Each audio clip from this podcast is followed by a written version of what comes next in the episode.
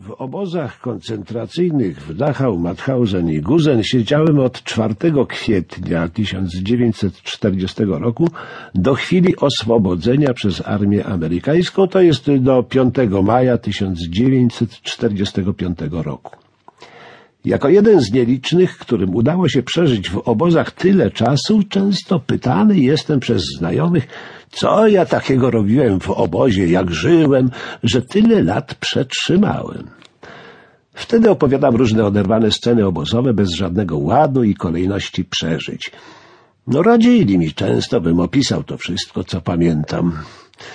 Ja sam nieraz o tym myślałem, a że warto by opisać to chociażby dla swoich dzieciaków, żeby w przyszłości, jak już będą większe, przeczytały sobie, co przeżył ich tata, kiedy jeszcze nie był ich tatą.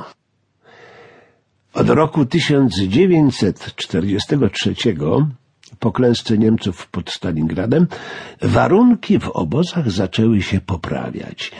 Łatwiej było wówczas w obozie przeżyć przeciętnemu więźniowi trzy miesiące niż do roku 1943 trzy dni.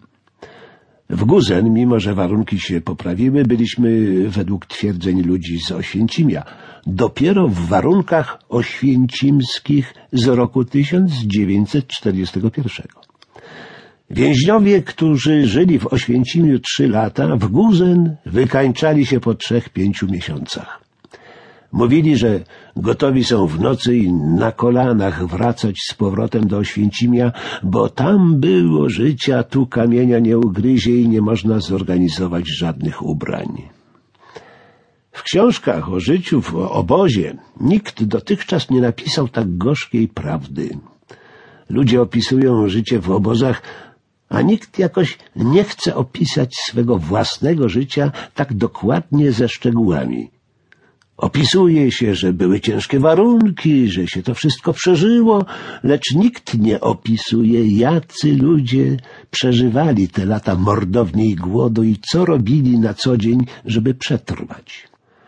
W roku 1943 Stanisław Nogaj, dziennikarz z Katowic, Obliczył, że z pierwszych dziesięciu tysięcy więźniów w Guzen żyje jeszcze 314. Gdy dowiedział się o tym komendant obozu powiedział Ja chciałbym tych byków zobaczyć. Przecież porządny więzień nie powinien żyć w obozie dłużej jak pięć miesięcy.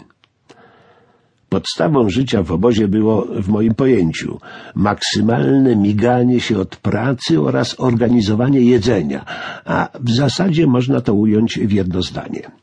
Postępować przeciw wszystkim zarządzeniom władz obozowych, bo wszystkie zarządzenia miały na celu jak najszybsze wykończenie więźniów. Omijanie zarządzeń zawsze narażało więźnia na bicie i w zależności od tego, w czyje w danym wypadku wpadł ręce, na utratę życia. Określiłbym to tak. Kto chciał przeżyć, nie wolno mu było bać się śmierci, bo każdy, kto chciał żyć, a bał się śmierci, bał się narazić na bicie i wykonywał ściśle zarządzenia, czekając na cud i koniec wojny, że go zwolnią albo że przetrzyma. Gdy się zorientował, że się kończy, za późno już wtedy było na zryw i dla takiego zostawało tylko krematorium. Ta bezwzględna walka w życie często była połączona z brutalnością, której nie można było uniknąć. I ta brutalność w pewnym stopniu istniała u wszystkich, którzy przeżyli dłuższy czas w obozie. Nie wiem, dlaczego nikt w swoich opowieściach nie łączy z tym zagadnieniem swojej osoby. Brutalność w życiu obozowym istniała na każdym kroku. Jak wyglądało życie przeciętego więźnia przez pięć lat pobytu w obozie, postaram się opisać na podstawie własnych przeżyć, a ponieważ chodzi tu tylko o obóz, opiszę okres od momentu transportowania mnie do obozu, a zakończę chwilą otwarcia obozu i odzyskania wolności. W swoim życiu w obozie zawsze starałem się być sprawiedliwy dla innych i dla samego siebie.